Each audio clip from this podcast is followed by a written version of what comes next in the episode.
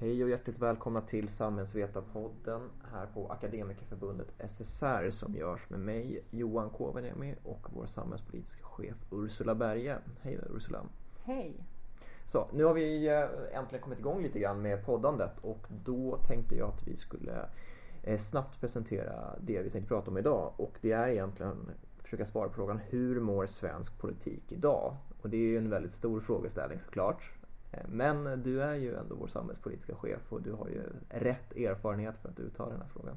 Så om vi börjar i det stora egentligen. Vad eh, skulle du säga, hur vår svensk politik? Ja, men rätt dåligt skulle jag säga. Den, den lider av att den inte klarar av att eh, diskutera de stora frågorna. Partiledningar är ganska långt ifrån sina väljare. Eh, Miljöpartiets kongress visade att eh, Miljöpartiets ledning står rejält långt ifrån sina kongressdelegater och att det finns andra sådana tecken. Så jag tycker det är ganska dålig situation att eh, det inte är så öppna kanaler som det borde vara mellan eh, den politik som drivs och de åsikter som, som väljarna har. Och eh, hur mäter du det då? Man kan ju göra sådana här undersökningar, det gör ju bland annat Göteborgs universitet som institutet där, där man jämför vad partier driver för politik i jämförelse med vad deras väljare tycker. Och då kan man ju säga att i allmänhet är väljarna mer radikala än sina eh, partiledningar. Alltså de ligger alltid utanför på en skala från höger till vänster. Och eh, det gäller väl eh, också nu, även om vissa frågor har blivit tydligare än andra. Och jag upplever att det är väldigt tydligt. Migrationsfrågan, är det, om, man, om man bara bröt liksom den här skalan eh, på migrationsfrågan skulle man hitta väldigt olika positioner. Inte bara inom socialdemokratin och Miljöpartiet utan också inom de andra partierna. Att det, partiledningar och partipolitiken och den politik som drivs idag går inte i samklang med, med opinionen i, ett, i en rad olika frågor. Miljöfrågan tycker jag är likadan men det finns väldigt många andra. Vad, vad grundar sig det? Vad är din analys? Varför har det blivit så?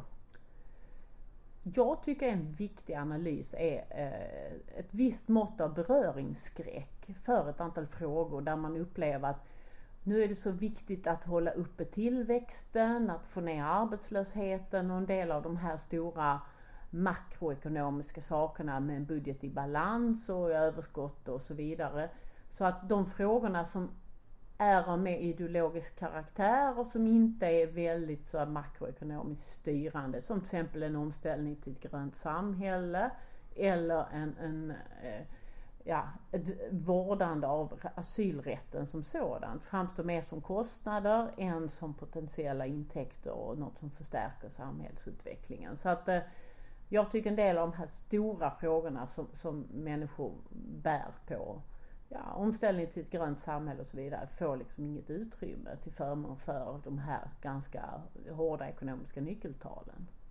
Men har det att göra med själva konstruktionen av hur, hur regeringen har bildats? Att det är som minoritet eh, och i den minoriteten så har Socialdemokraterna den största rösten mm. Eh, och har ett väldigt lågt Alltså hela att det trattas ut att det blir färre och färre som är vid beslutande processen och har den reella makten eller mm. drar jag det för långt? Nej, det tycker jag inte. Först och främst tror jag det handlar om att vi har en omvärld som går på kryckor rent ekonomiskt kan man konstatera. Om man tittar på, på EU, om man tittar på USA, om man tittar på, på konkurrenskraften globalt där Sverige tickar på rätt bra och har, har god tillväxt och, och, och, god ekonomisk balans i statsbudgeten och så vidare. Och det, det är man, alltså man är väldigt orolig för att den här omvärlden som är ganska stökig ska spilla in över Sverige och därför fokuserar man för mycket på, på makroekonomiska saker tycker jag. Men också det du nämner, att hur regeringen är, är sammansatt och hur den idag fungerar så har ju Miljöpartiet satt sig i, i en regering under förutsättningar som gör att de inte kan driva sina, sina sakfrågor. Och där inte heller socialdemokratin kan driva sina sakfrågor för det finns ett parlamentariskt läge i riksdagen som, som har bakbundit dem alldeles groteskt de senaste åren. Mm. Men om man blickar ner på de enskilda partierna och Miljöpartiet har ju varit det partiet nu som har någonstans måste vi objektivt säga att de har haft störst problem Ehm, vad, eh, ska vi ta någon liten resumé av eh, vad ska man säga, de politiska misslyckandena och vad, vilka framgångar de har haft och vad utfallet har blivit? Mm. Om man funderar på vad som var de stora frågorna i valrörelsen 2014 för Miljöpartiets del så var det ju de klassiska miljöpartifrågorna mm, mm, med, med eh, omställning till ett grönt samhälle och så vidare kombinerat med, eh, ja, klassiska saker som den här kolbiten som det satt och viftades med och så vidare. Och, och, och vad som har hänt efter det är ju och sen också identitetspolitiken som har blivit så extremt eh, debatterad nu på sistone. Vad som har hänt sedan dess det är ju att eh, Miljöpartiet satte sig i en eh, alltså, historiskt svag regering. Och de satte sig tillsammans med ett parti som ändå fick 31% av rösterna där de hade 6 eller 7 eller vad det var. Och det är en obalans som är väldigt, väldigt påtaglig. Man valde dessutom att sätta sig i regering med ett parti som aldrig har suttit i regering med ett annat parti. Och att göra det under så stor obalans skapar ju ännu mer problem. Kombinerat med att de är, har ju aldrig haft regeringserfarenhet. Plus uppenbarligen har de inte varit i skarpa liksom, lägen vad det gäller eh, opinionsjournalistiken och hur man har kontakt med media och så vidare. Så det blev väldigt, väldigt många misstag av den här rookie-karaktär. Det där borde de ha tänkt. Man försöker inte övertala en av Sveriges bästa journalister i politisk journalistik om att han inte ska göra vissa vinklar i, i sina nyhetsreportage. Det gör man bara inte.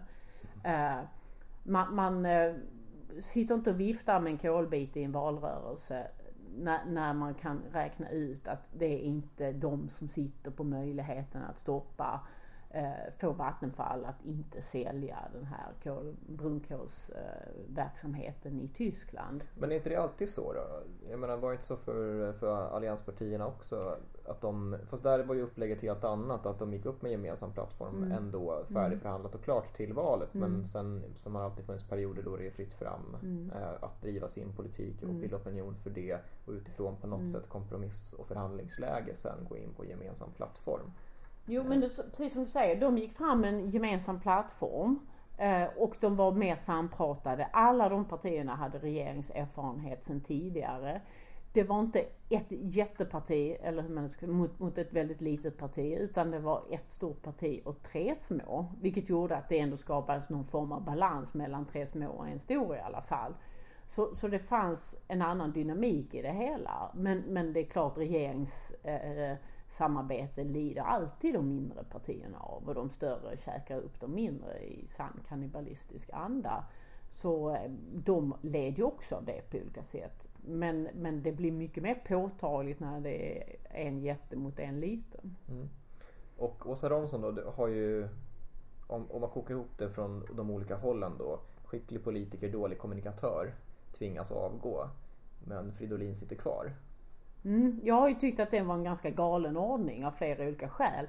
Det, det ena är att Miljöpartiets väldigt sympatiska tanke om, om politiskt ledarskap bygger på att det är ett kollektivt ledarskap. Det vill säga att de gör saker och ting tillsammans, därför är det två språkrör och inte ett, eh, eller en partiledare.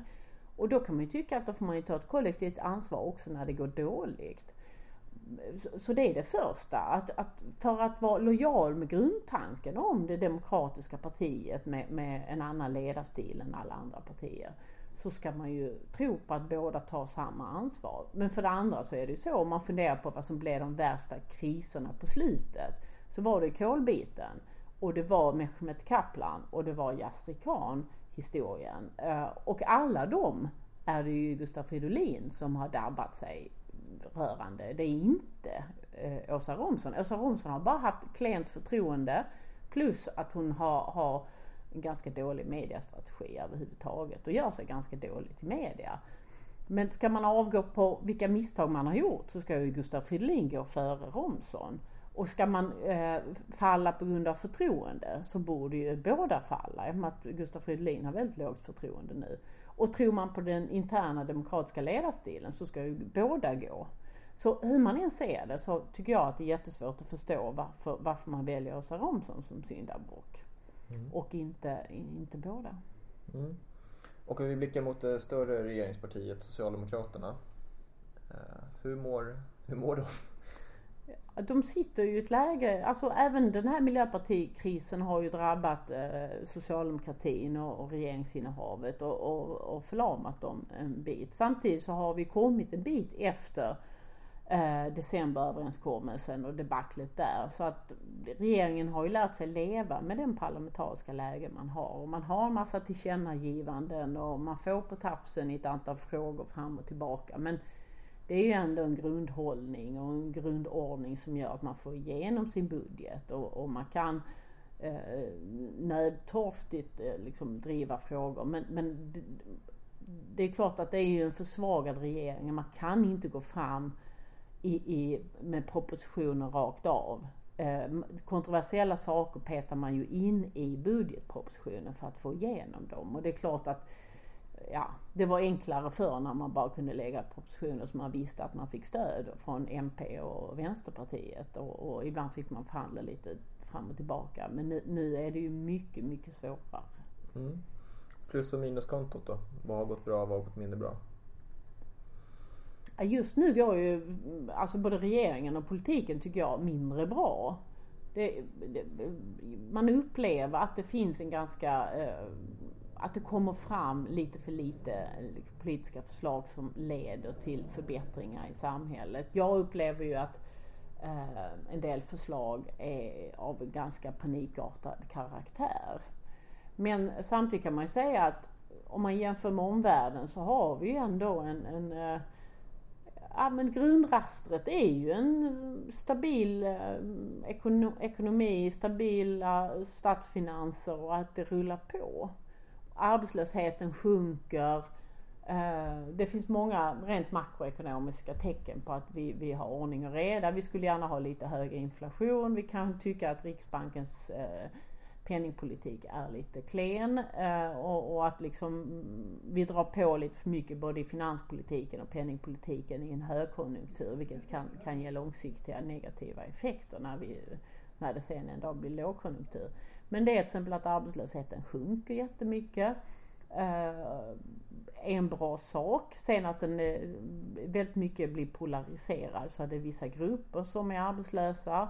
Eh, och att den svenska välutbildade personen nästan aldrig är arbetslös. Men man ser att bland utlandsfödda, bland funktionsnedsatta och bland de över 55 ser man tydliga Eh, ökande problem på arbetsmarknaden. Och det är ju ett underliggande jättestort problem men, men som sagt arbetslösheten som sådan sjunker ju. Så att, nej men, men det är hyfsat stabilt. Jo, om man tänker utifrån eh, Socialdemokraternas politiska idé så borde väl det vara ett totalt misslyckande.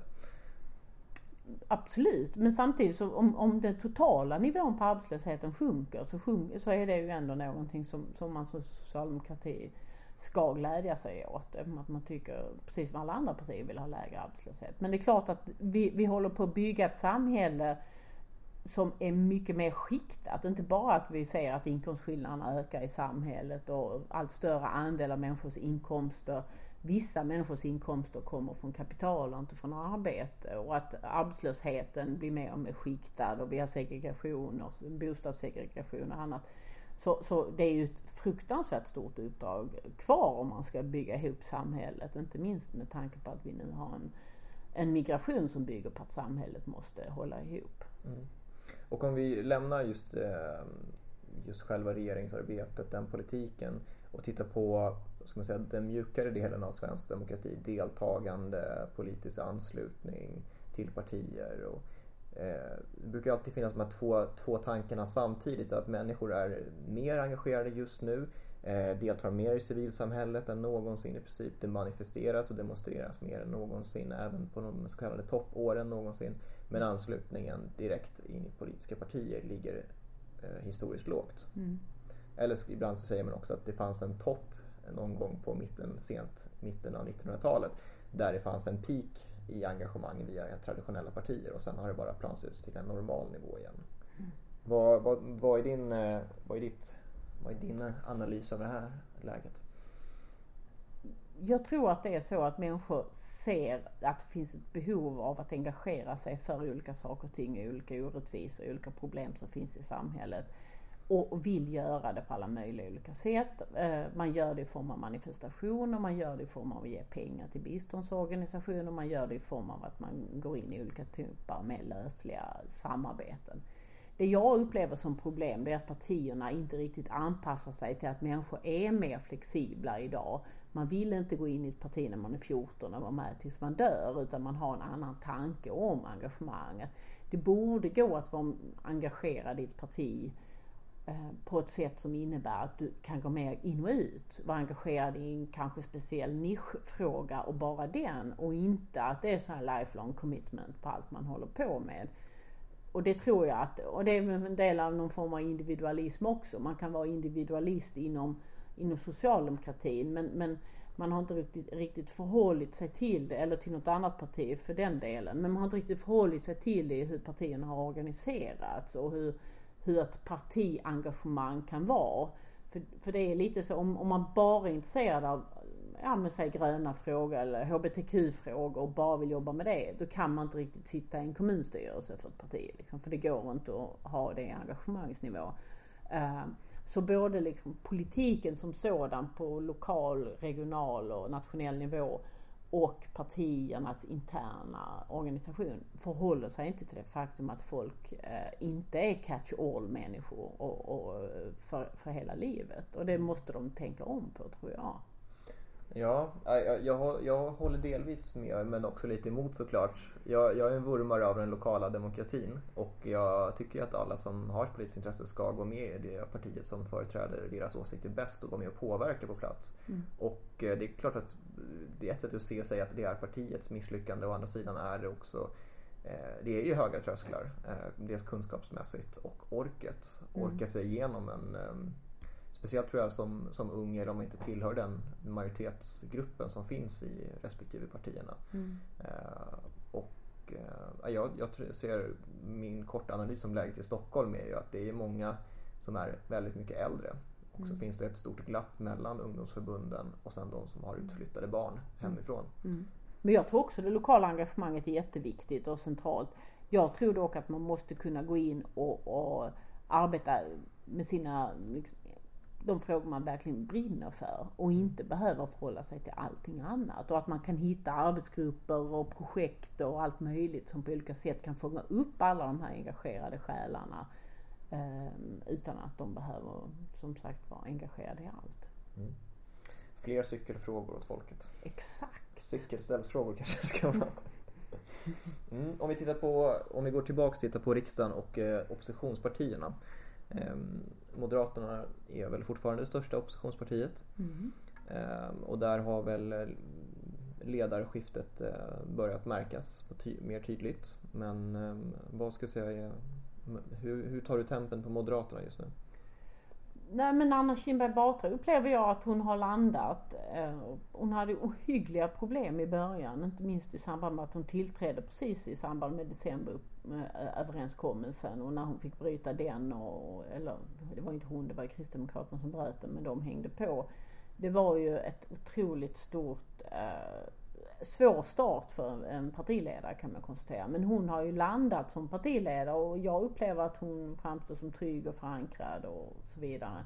Samtidigt tycker jag att Moderaterna är sällsynt svajiga rent innehållsligt politiskt just nu. Och, och migrationsfrågan lyfter jag ständigt för att det, den har blivit en sån polariserad fråga där de har eh, ja, svängt eh, sedan eh, öppna era hjärtan till vad de har idag som gör att egentligen borde inte en enda moderat känna igen sig och det borde inte vara en enda människa som är med i det partiet, öppna våra hjärtan-parti som kan vara med i detta. Så att eh, ideologiskt framstår de som lite ängsliga att de så otroligt målmedvetet vill stänga dörren till Sverigedemokraterna. Att de är beredda att sälja ut det mesta av det de tyckte för bara några år sedan. Men i ett längre perspektiv så är det väl bara en, en tillbakagång till en mer traditionell moderat politik? Ja, men samhället förändras och, och det tänker man ju att alla partier måste ju förändras. Vi, visst, vi hade en gång, eh, och då kan man ju säga att socialdemokratin gör samma resa. Vi hade en gång en väldigt tydlig eh, allians mellan moderater och socialdemokrater i att i stort sett säga nej till allting i utlänningsnämnden. Och, och de satt och höll emot. Eh, och för att skapa förutsättningar för en relativt sett restriktiv asylpolitik. Nu, nu ser ju eh, organisationen och hur man eh, helt annorlunda ut. Så, så, man kan inte sitta och hålla emot i någon utlänningsnämnd för den finns inte längre. Så det kan man ju säga att det är någon form av normalisering till den gamla ganska restriktiva hållningen som man hade då. Å andra sidan så ser samhället helt annorlunda ut. Då hade vi inte ett, ett krig i Syrien som, där hela befolkningen måste fly. Vi har haft ett Balkankrig i början på 90-talet men den hade en annan karaktär. Eh, och, och, och, inte så utdraget i tid heller och inte sådana enorma folkförflyttningar.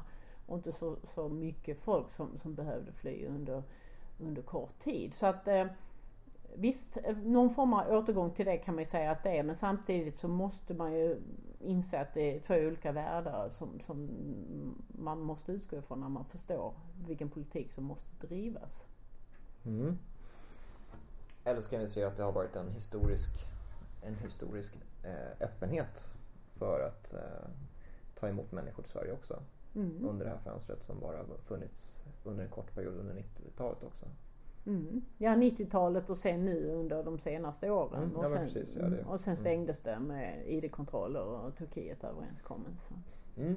Men kort framåt då. Vad, vad, är, vad är det viktiga nu i svensk politik och vad Finns det någon risk att uh, den här ordningen som finns just nu med, med att kunna, regeringen kan lägga en budget att det kommer hålla? Eller kommer vi bli ett nyval eller extraval? Mm, extraval är det väl va?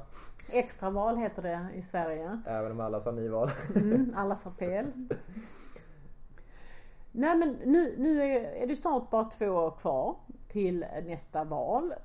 Och när det är ett år kvar då, då ska allting vara väldigt riggat och klart. Så för regeringens del så handlar det om att det man vill eh, av, av jobbiga frågor få fram, lägga förslag så måste man göra nu. För när det väl är ett år kvar då måste man lägga alla plusförslag som, som man vinner i väljaropinionen på.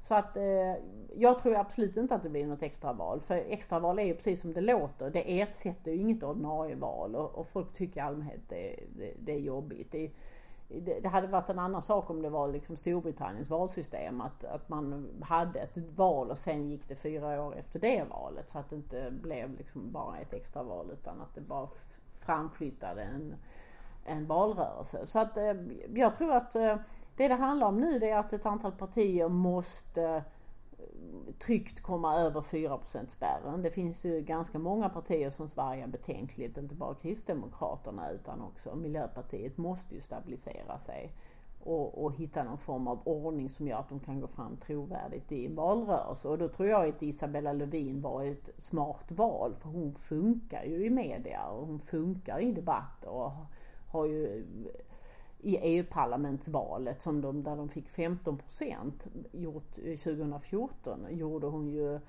ja, men, fantastiska framgångar och succé liksom rent eh, debattmässigt. Så att eh, där har ju de riggat sig rimligt bra. Sen vet jag inte hur Gustaf Fridolin ska kunna rehabilitera sig på, på bara två år från, från det här tokfallet han har gjort. De andra partierna måste ju också stabilisera sig och komma att bli varma i kläderna. Jag tror inte det blir några fler liksom större byten inom partierna. Jag tror inte det blir några stora ideologiska förflyttningar heller. Utan nu, nu vill det vågar du ändå säga nu inför regeringsombildning och allt. Ja, men regeringsombildning det handlar ju mer om människor än vad det handlar om, om ideologiska omsvängningar. Du tror inte att de positionerna signalerar någonting? Jo, men, men jag, då? jag tror att det är så här att väljarna, eh, alltså Stefan Löfven vill gärna, eftersom att det är en rekordsvag regering rent parlamentariskt, så ju mer man ändrar om, inte bara i människor utan också i inriktning på politiken, desto mindre kommer han upplevas som en stabil och trygg ledare. Och därför så tror jag att han inte kommer göra sådana stora personförändringar som innebär att det uppfattas som att också politiken läggs om. För då har man ifrågasatt både människorna och innehållet. Och det är lite för mycket. Han behöver stabilisera sitt ledarskap. Och framstå som en stor eh, och stark ledare för socialdemokratin och regeringen.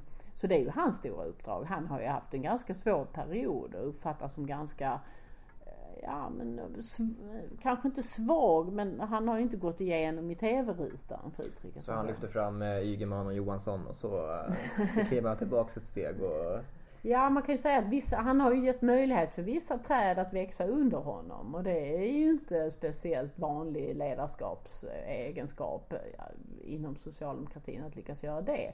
Det kan ju dock bero också på en del, ja, där man kan tycka att det kanske är statsministern som ska gå fram och vara den här stora, stora ledaren i svåra tider och inte skicka fram någon annan. Men det kan man ha olika uppfattning om. Mm. Så att eh, fortsättningsvis så eh, dela fler eh, bilder på han och hans familj på Facebook. och så... Ja men framförallt måste han uppfattas som att han har väldigt stabilt eh, kontroll över regeringen. Att, att regeringen vågar lägga förslag även i ett skakigt parlamentariskt läge. Att det uppfattas som att de har en strategi för framtiden, att den ligger tryggt nära socialdemokratisk ideologi. Och, eh, och att människor vill rösta på det partiet och, och, eh, för att det är ett regeringsdugligt parti och att det är ett statsbärande parti även idag. För komma, komma närmare någonstans där, där Fredrik Reinfeldt var de sista åren, där han var väldigt statsmannamässig. Det måste ju även Stefan Löfven bli. Mm. Jag har en liten, en liten eh, ögonblicksbild. Eh, jag tänkte på just det här med Moderaterna och ledarskapet där nu. Jag var på fotboll igår och så på storbildsskärmen så zoomar de in Fredrik Reinfeldt. Han är en trogen Djurgårdsreporter. Och jag tror fan att det var mer än hälften av hela fotbollsarenan som började applådera. Mm. Jag undrar om det är ett eh, tecken på eh, saknaden efter Reinfeldt. Ja, nej men det är intressant. Alltså han var, alldeles oavsett vad man tyckte om honom så var han ju väldigt statsmannamässigt. Han uppfattades som en stabil eh, statsminister i en ganska turbulent tid. Vi hade ändå en finansiell krasch under den perioden som han eh, ledde landet. Men Djurgården förlorade ju ändå. mm. ska vi inte prata mer om. Okej, okay. Eh, jag tänkte... Okej, okay. så Ursula, vi, eh, sista, sista punkten då. Eh, lite rekommenderad läsning. Vad lyssnar du på? Vad läser du? Vad kollar du på för någonting just nu? Jag läser eh, boken om Miljöpartiet som heter Vi blev som de andra av Margit Strömberg. Som kan jättemycket om Miljöpartiet och nu jobbar på Ekot. Superintressant bok, tipsar jag alla om. Jag lyssnar som en galning på USA-valpodden som görs av eh, Sara Stenholm, normalt sett programledare på Godmorgon Världen och som bjuder in de helt fantastiska eh, programdeltagare i form av Agneta Furvik och Lasse Johansson och alla möjliga som Britt-Marie Mattsson är fullständigt fantastisk i den. Eh, den kommer varje onsdag och de eh, dissekerar senaste primärvalet, var det än skedde och det är hur kul som helst. Så att eh, om du vill gå till originalet då så är det NPR Politics då istället. Som är bara ganska rakt av plankat. Men, men det är jättebra, jag lyssnar också på den. Men du vill inte ge också, det där, om jag, om jag säger att USA-valpodden är, eh, om det är efterrätten så är väl eh, salladen måste väl ändå vara EU-podden som är byggd på samma princip för att väcka intresse för EU-politik. Mm. Jag vet inte hur det går för det men jag försöker ta mig igenom det. Men mm. EU kanske inte mitt starkaste intresseområde. Nej, och, men jag håller med dig. EU-podden är jättespännande. Det är bara det att jag är så vansinnigt förtjust i att följa amerikansk politik. Och när det är så här galet läge med Donald Trump och Hillary Clinton och Bernie Sanders och och alla som hoppar av och republikanerna imploderar. Det är ju så spännande. Mm.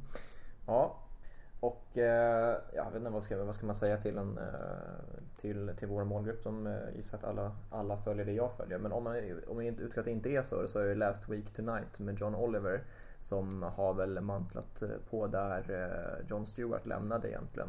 Vad han gör varje vecka på HBO. Så får, får ni lista ut hur ni hittar, får tag på det på HBO eller nätet eller vad man, vad man får tag på serier nu för tiden. Spännande, bra med tv-tips också för att jag, är, jag har inte sett något sen House of Cards säsong 2. Ja, och sen har jag också en biografi om, eh, om Roosevelt som ligger på hyllan också som ska läsas efter jag är klar med Olof Palme-biografin som är, som är snart på gång. Men nu är jag inne på 80-talet och då känns det inte, det känns inte så roligt längre. Men det är så spännande, vi har alltid något mer att läsa. Ja, så är det. Så, men då får jag tacka jättemycket. Vi rundar av där. Tack så mycket Ursula. Tack själv Johan. Hörs vi snart igen. Hej! Yes.